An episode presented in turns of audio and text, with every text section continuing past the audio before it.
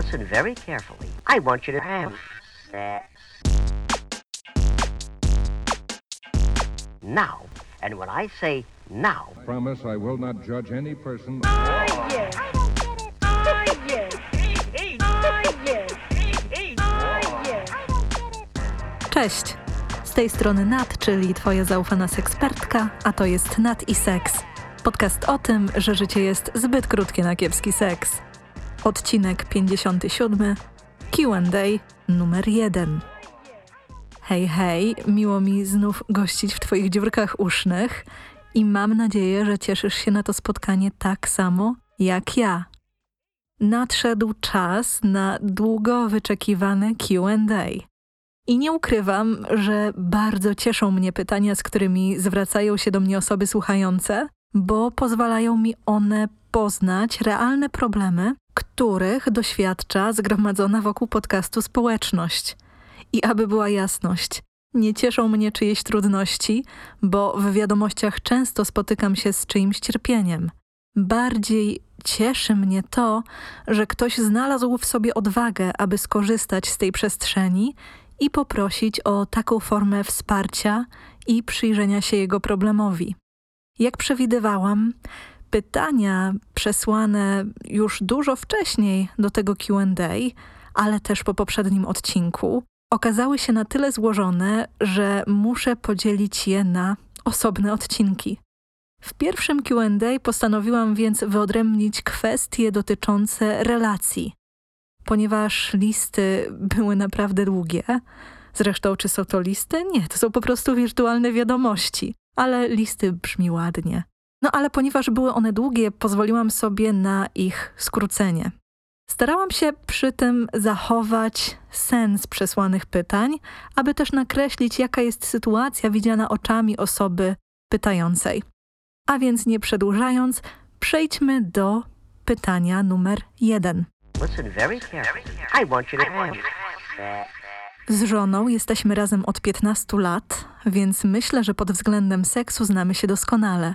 Lubimy eksperymentować. Rozmawiamy szczerze o seksie i nieraz spełnialiśmy swoje fantazje. Kilka dni temu zapytałem, czy może miałaby ochotę spróbować czegoś nowego. Odpowiedziała, że jasne, a czego chciałbym spróbować. Odparłem, że trójkąta. Zdębiała i bez zawahania odparła, żebym zapomniał i co nawet mi strzeliło do głowy. Po chwili stwierdzająco powiedziała, co pewnie chciałbyś spróbować seksu z dwiema kobietami. Odparłem, że nie. I była to prawda, bo fantazjuję o trójkącie, ale z innym mężczyzną. Oraz z nią, bo szczerze mówiąc znam swoje ciało i wiem, że trójkąt z dwiema kobietami zakończyłby się bardzo szybko i byłaby to tylko i wyłącznie moja kompromitacja, a ona nie zniosłaby widoku mnie penetrującego inną kobietę. Chciałbym więc, aby moja żona choć raz kilkukrotnie była zadowolona podczas seksu. Eksperymentowaliśmy trochę z wibratorem z mojej inicjatywy i nie miała nic przeciwko.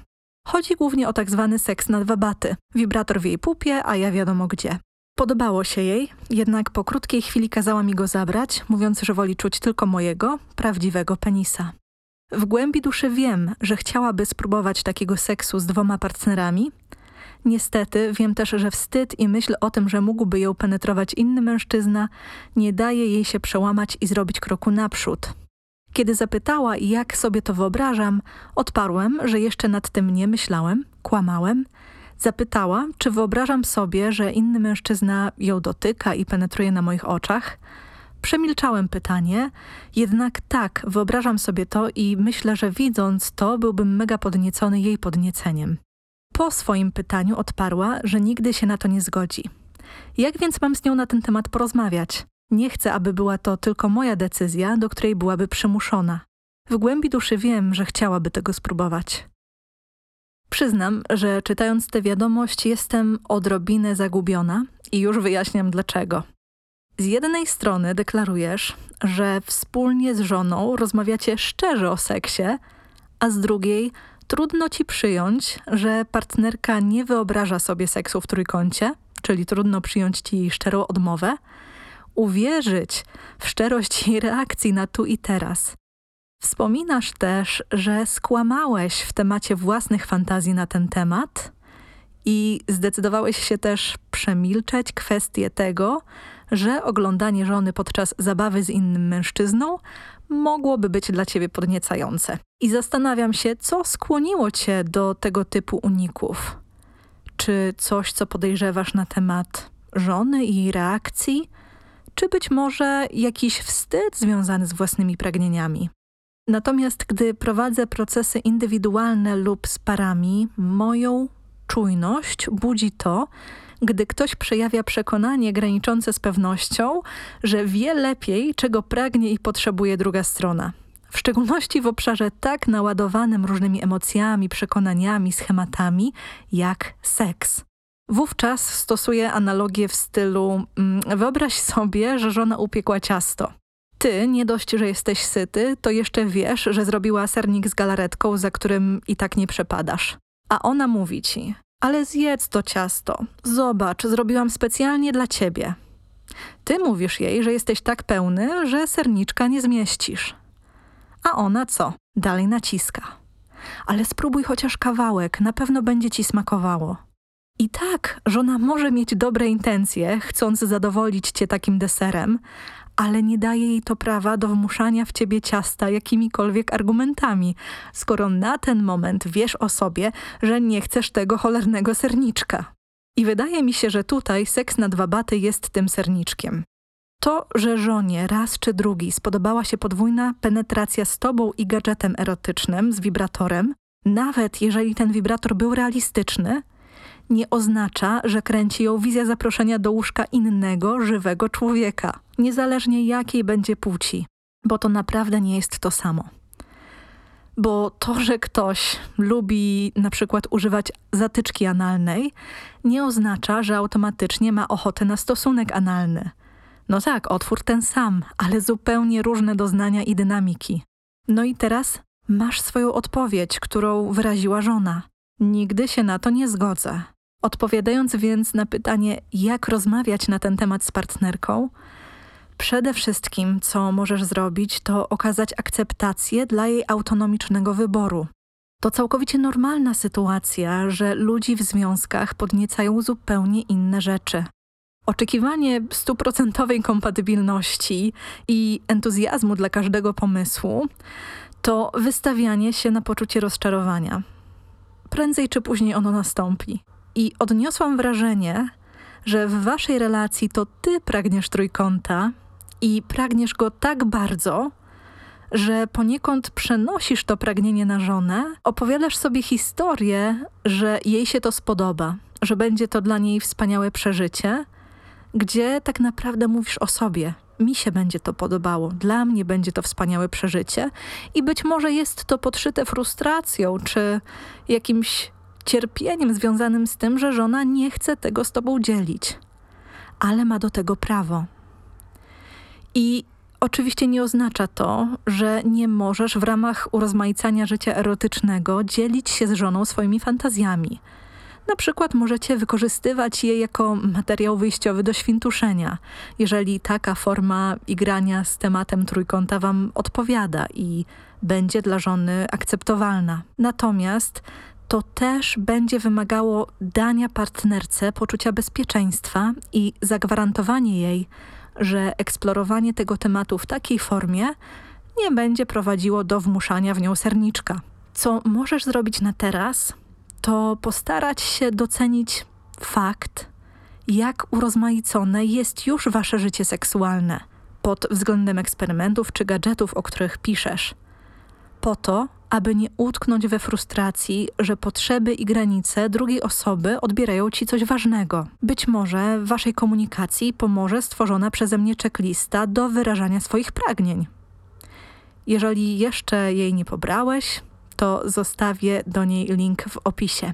Moją propozycją byłoby, abyście wspólnie z żoną spróbowali odkryć nowości, na które obydwoje macie ochotę, czyli te obszary, w których się pokrywacie, a które niekoniecznie są trójkątem. Bo wygląda na to, że teraz seks na dwa baty to dla twojej żony naprawdę mocne nie. Pytanie numer dwa. Od dwóch lat jestem w związku z kobietą. Nie czuję się dobrze z tym, czego się ode mnie obecnie wymaga. Rozdzielam zupełnie strefę erotyczną od umysłowej przyjacielskiej, tej romantycznej właśnie. To dla mnie totalnie naturalne, że chcę z kimś do łóżka, a z kimś innym dzielić obowiązki i troski dnia codziennego. W związku wolę masturbację od seksu partnerowanego. Kocham tę dziewczynę i nie chcę jej sprawiać przykrości, więc zazwyczaj seks jest dla uniku. Wiem, że to źle, szczególnie, że na początku było go przecież dużo. Obecnie mamy wypracowany model otwartego związku. Obydwoje spotykamy się z kim chcemy, nie musimy się o tym informować, jeżeli nie wpływa to znacząco na rozkład dnia. Razem zapraszamy do łóżka jednorożce, bawimy się grupowo, tylko że ona też musi tam być. Wewnątrz siebie czuję, że potrzebuję poznawać nowe osoby, nowe twarze, ciała, zapachy, pozycje i sposoby, bo czuję, że nowe jest dla mnie atrakcyjne. Podczas ostatniej grupowej zabawy w moje urodziny podglądałem ją przez zasłonę, jak bawi się z naszym przyjacielem. Chyba znalazłem swój kolejny king. Najbardziej boję się, że ryję beret partnerce, która przeskoczyła z bardzo konserwatywnego związku do tego właśnie. Staram się we wszystkim, co robię, nie być hipokrytą i wspólnie ustalać dogodne zasady, jednak w głowie zawsze siedzi chochlik. Dodatkowo sytuacji nie poprawia fakt, że chętnie spróbowałbym wielu rzeczy, w które nie chcę wprowadzać mojej partnerki. Są takie aktywności, które wolałbym robić z osobami, z którymi nie spotykam się regularnie na inne aktywności niż seks. Chodzi na przykład o face sitting, deep throat, face fuck czy inne takie, po których miałbym problem spojrzeć jej w twarz. Albo na przykład uprawiać seks z kobietą z penisem w trójkącie czy grupie. To kolejna z aktywności, po której raczej musiałbym zmienić krąg znajomych. Pojawiło się tu bardzo dużo wątków. Chyba nie bardzo jestem też w stanie wyłapać pytanie, więc chyba pozostaje mi zaoferować swój komentarz. I zaczęłabym od najprostszej kwestii. Tego, co określasz ryciem beretu partnerce. Zakładam, że obydwoje jesteście osobami dorosłymi, które są w stanie podejmować świadome decyzje wokół ekspresji seksualnej. Domyślam się też, że partnerka nie zdecydowała się na otwarty związek, trójkąty, seks grupowy i inne rzeczy, które robicie pod przymusem, zwłaszcza, że z tonu wiadomości wywnioskowałam, że podchodzisz do tych kwestii w sposób przemyślany. Bazujesz na tym, co wiesz o sobie, co wiesz o swoich pragnieniach. Wybierasz otwarty związek i widzę, że dajesz tę samą wolność eksploracji partnerce. Oczywiście w ramach pewnych ustalonych z góry wskazówek. Ludzie tworzą różne relacje i podejmują w nich różne wybory. I to, że poprzedni związek twojej partnerki wyglądał inaczej, to kiepski punkt odniesienia. Bo w różnych relacjach możemy pragnąć różnych rzeczy, też mieć różne możliwości związane właśnie czy wynikające ze wspólnych ustaleń. Bo z nowymi osobami kreujemy zupełnie nowe dynamiki. Ustalamy pewne zasady od nowa. I wygląda na to, że partnerka lubi swoje życie seksualne i odpowiada jej to, co tworzycie wspólnie. Wygląda jednak na to, że to ty nie za bardzo to lubisz. Odniosłam wrażenie, że tą wiadomością próbujesz zakomunikować potrzebę większej seksualnej odrębności. Tego, aby móc przeżywać własne przygody w oddzieleniu od partnerki. Spróbowałabym jednak zastanowić się, czy ta potrzeba wynika z natury opisanych przez ciebie praktyk, które są kinkowe i czy trudność polega na tym, że nie chcesz splugawić nimi partnerki, czy po prostu z tego, że chcesz ich doświadczać w innym kontekście niż ta relacja. Jest naprawdę okej okay nie czuć klimatów dominacji i uległości z konkretnymi osobami, bo o te kawałki zahaczają wymienione przez ciebie praktyki. Tutaj warto jednak przyjrzeć się swoim odczuciom, które przyklejają się do Twojej fascynacji głębokim gardłem, siedzeniem na twarzy, seksem z kobietą z penisem. Jeżeli tymi odczuciami, tymi emocjami są wstyd, obrzydzenie, a tych nieprzyjemnych emocji jest więcej niż przyjemnych, być może warto najpierw popracować nad własnymi przekonaniami dotyczącymi przyjemności, seksu, bo ekspresja seksualna powinna wiązać się przede wszystkim z przyjemnością. I nie ma wtedy znaczenia, jaką drogą idziesz, by jej doświadczać, tak długo, jeżeli jest to konsensualne, odbywa się za zgodą i sprawia przyjemność każdej z zaangażowanych stron. Jeżeli po jakimś akcie pojawia się głębokie poczucie wstydu, żalu czy inne nieprzyjemne odczucia, przykład brak akceptacji względem własnych pragnień czy kinków, to na dłuższą metę nie jest to zdrowa sytuacja i może być naprawdę wyniszczająca dla życia seksualnego. I jako kontekst chciałabym w tym miejscu polecić mój artykuł o samokonsencie, czyli samozgodzie, który podlinkuję w opisie odcinka, bo myślę, że może też stanowić ciekawe uzupełnienie tego, o czym mówisz, czy, czy nad czym się zastanawiasz. W kręgach seksuologicznych coraz częściej mówi się i coraz więcej mówi się o frejseksualności czy ignatoseksualności. Orientacji, w której największe podniecenie seksualne odczuwa się względem nowo poznanych osób, a doświadcza jego wygaszenia w miarę pogłębiania znajomości. Osoby frejseksualne w kontakcie z innymi stymuluje właśnie poczucie nowości. Dotyczy to obszaru seksualności, który, jak wiemy i jak sam to zaznaczasz, niekoniecznie pokrywa się z obszarem romantyczności, czyli tego, czego pragniesz i potrzebujesz w kontekście związków. Oczywiście po przeczytaniu Twojej wiadomości nie twierdzę, że to Twoja orientacja, bo nie jestem w stanie, a tylko Ty masz dostęp do swoich doświadczeń, odczuć, Natomiast poczytanie na ten temat może stworzyć interesujący kontekst dla samoeksploracji i właśnie tego pragnienia nowości, tych nowych twarzy, ciał, zapachów itd., tak o których napisałeś.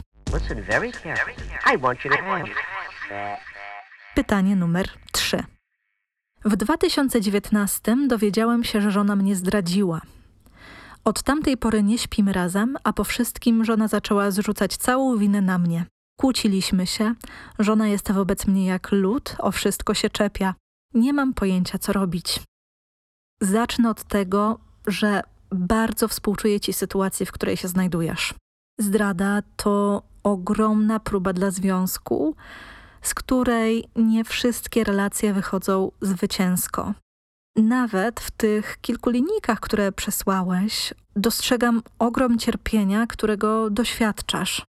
I ono nie trwa od wczoraj, bo trwa już od ponad dwóch lat. Myślę, że w tej sytuacji warto zacząć od uświadomienia sobie, że zdrada to świadomy wybór dokonany przez osobę, która zdradziła. Wiem, że może być to trudne. Natomiast ten wybór w jej mniemaniu miał odpowiedzieć na jakieś potrzeby, dać jej jakąś korzyść.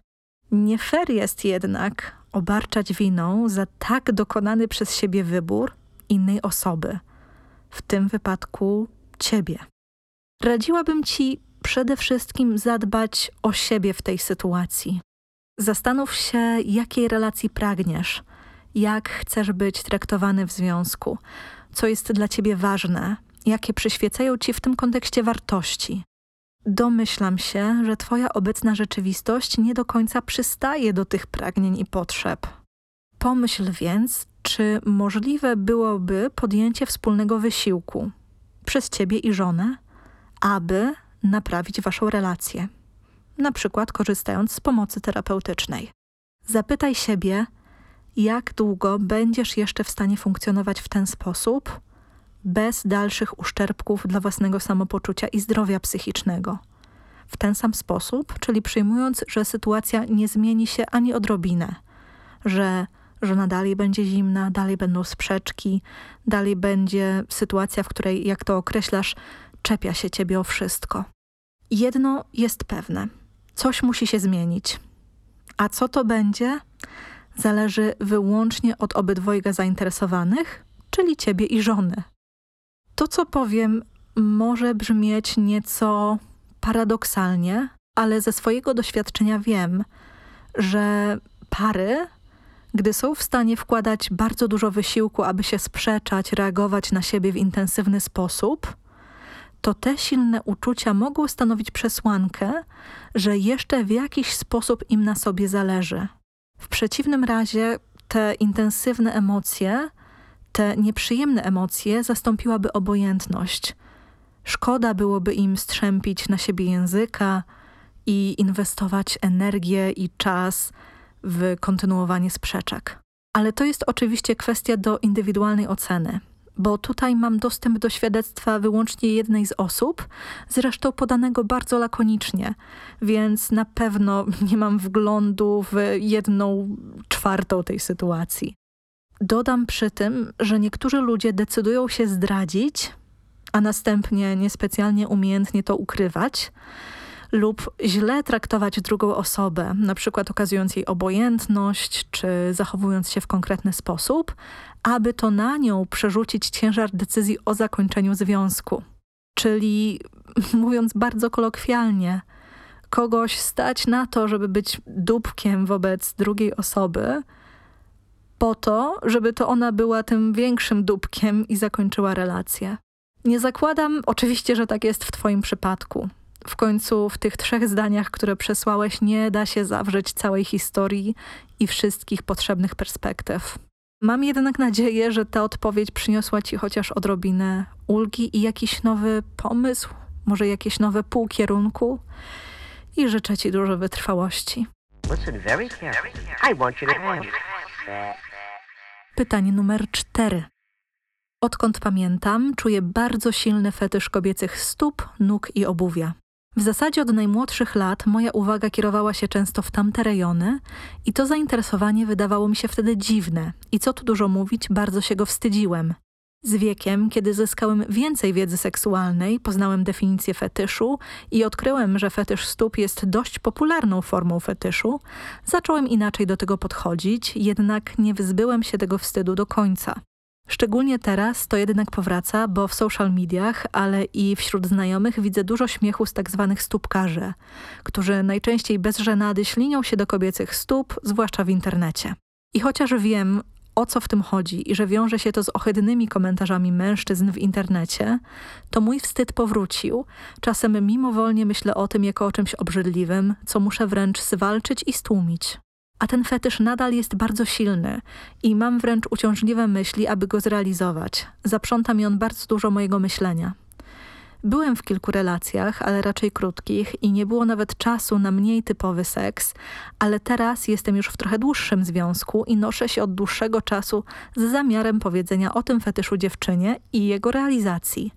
Jednak nie mogę przezwyciężyć poczucia wstydu, bycia wyśmianym, boję się, że pomyśli, że to obrzydliwe i że jestem creepem. Wiem, że to projekcja moich lęków, ale zupełnie nie umiem sobie z tym poradzić, mimo to, że w innych sprawach rozmawiam z partnerką swobodnie. Zacznę od tego, że jestem pełna podziwu dla Twojego wnikliwego spojrzenia na intersekcję fetyszu i jego społecznego odbioru.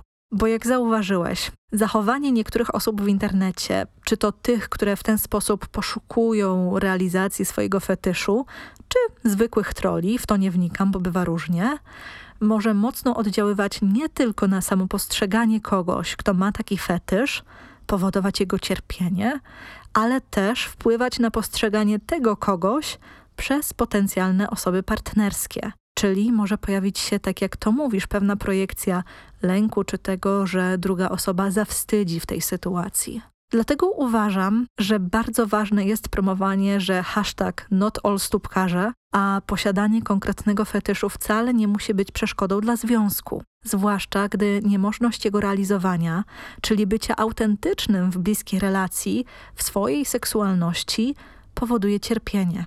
Myślę, że co może okazać się pomocne, to to, gdybyś spróbował znaleźć dowody na to, że twój fetysz i działania wokół niego to nic szkodliwego. Może to wyglądać na przykład tak. Wiele osób ma taką fascynację. Ja potrafię uszanować granice innych ludzi i nie wysyłam do nich prywatnych wiadomości z prośbami o zdjęcia stóp. Na świecie istnieją rzesze osób, dla których pieszczenie stóp jest przyjemne. Wśród osób, z którymi dzielę ten fetysz, mogą być ludzie, którzy zachowują się wątpliwie, ale nie reprezentują oni tego, jak ja chcę realizować swój fetysz. Gdy pojawiają się trudne emocje dotyczące fetyszu, Zestawienie ich z faktami na temat siebie, na temat samego siebie i swojej ekspresji może okazać się pomocne i złagodzić lęk czy zawstydzenie. Myślę, że wielu fetyszom towarzyszy niezrozumienie. Spotkałam się z obawami, że osoba, która ma fetysz, będzie oczekiwała wzajemności. W tym wypadku byłoby to na przykład pieszczenie Twoich stóp przez partnerkę, a nie tylko poddawanie się pieszczotom. Inną obawą było to, że element, który stanowi fetysz, na przykład część ciała, tak bardzo będzie pochłaniał czyjąś uwagę, że osoba, która umożliwia jego realizowanie oraz jej potrzeby czy oczekiwania staną się niewidoczne. Tego jednak nie obawiałabym się w Twoim przypadku, bo sam mówisz, że bardziej typowy, jak to określiłeś, seks miał już miejsce i domyślam się, że czerpałeś z niego przyjemność. Warto jednak, komunikując swój fetysz, być przygotowanym, że takie obawy mogą się pojawić i być w stanie się do nich odnieść.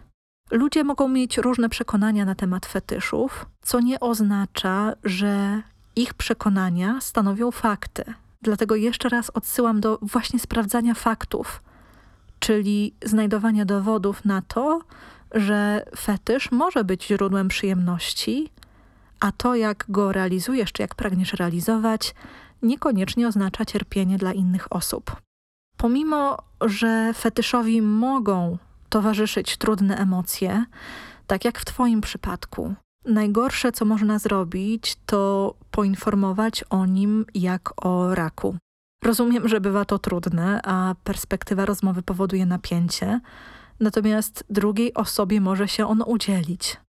Bo gdy ktoś siada z bardzo poważną miną, to nie pozostaje nic innego, jak spodziewać się najgorszego.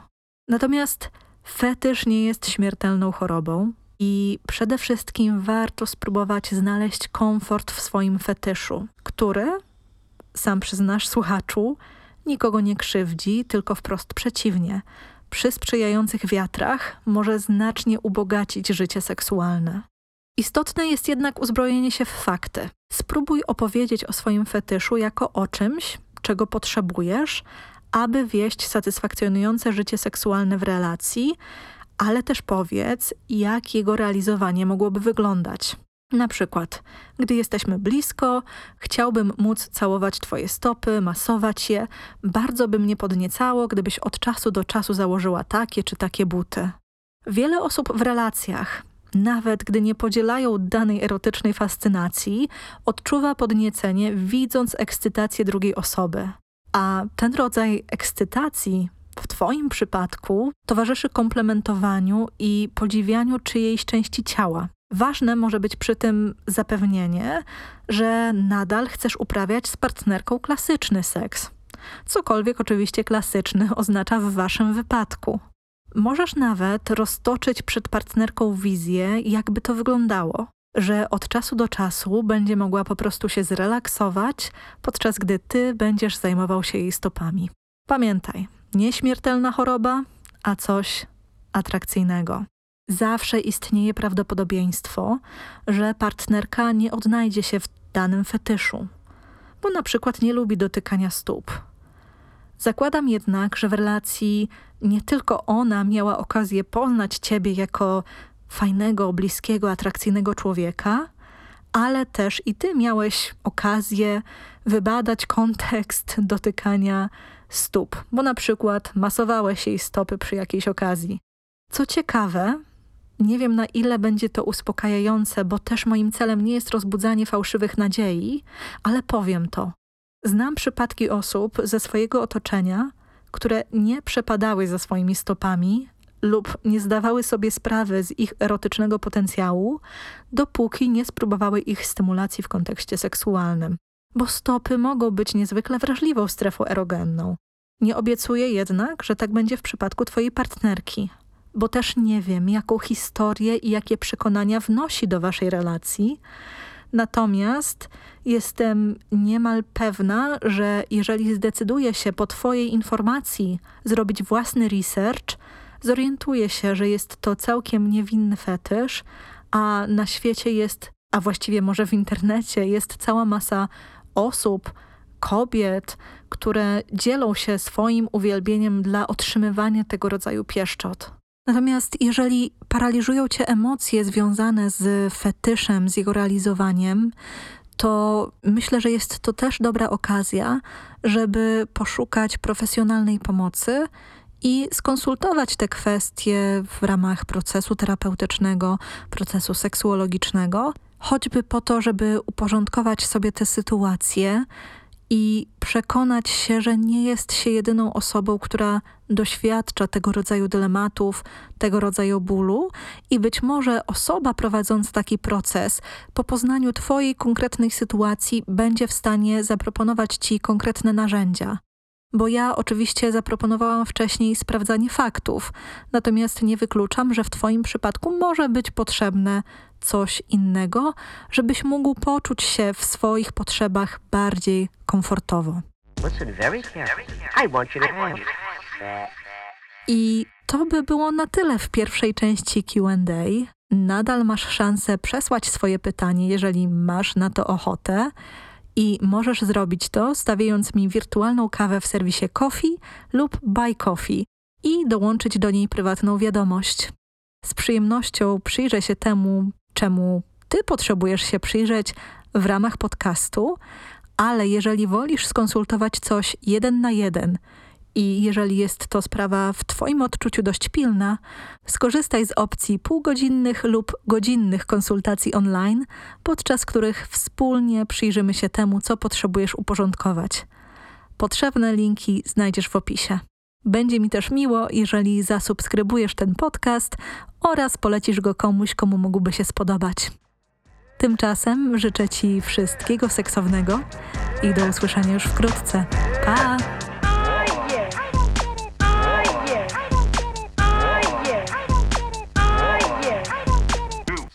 It's very important and very fun also to. Now,